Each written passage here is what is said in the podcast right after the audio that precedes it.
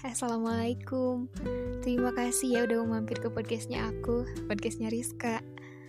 Hmm, semoga obrolannya nggak bikin kamu bosen ya. So, selamat mendengarkan.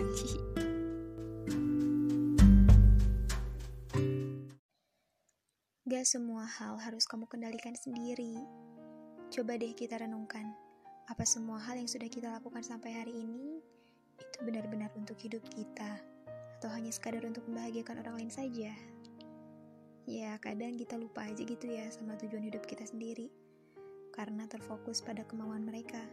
Terlalu gengsi aja gitu, karena hati sibuk untuk mencari bagaimana cara membahagiakan mereka. Oh iya, bahkan tak jarang dari kita merasa begitu kecewa ketika ada hal-hal di luar kendali kita nggak berjalan sesuai apa yang kita mau. Lalu kita menyalahkan diri sendiri. Padahal hidup tidak pernah banyak menuntut banyak kan dari kita. Hmm, oh iya, coba deh kita bedakan soal ini aja. Uh, jadi ada hal yang ada di dalam diri kita dan begitupun ada hal-hal yang sebenarnya nggak bisa kita kendalikan karena mereka ada di luar kendali kita Pertama, hal yang ada di dalam kendali kita itu seperti apa yang kita lakukan, tindakan kita, apa yang kita makan, dengan siapa kita pergi hari ini, batasan kita, cara kita menyayangi diri, pendapat kita, ucapan kita. Ya, pokoknya tentang kita semuanya.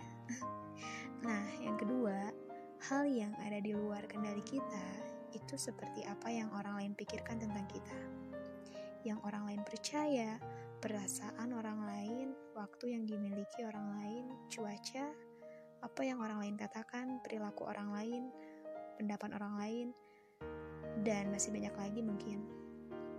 Si, tidak semuanya bisa kita kendalikan sendiri, jadi stop untuk sibuk membahagiakan orang lain secara berlebihan dan membohongi diri. Tidak salah kok jika kita ingin membahagiakan orang lain namun, kita harus tahu dulu atas dasar apa kita ingin membahagiakan mereka.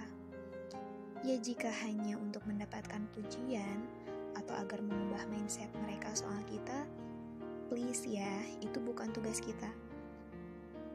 Nabi aja makhluk Allah yang begitu baik, sempurna mungkin, mendekati sempurna mungkin ya.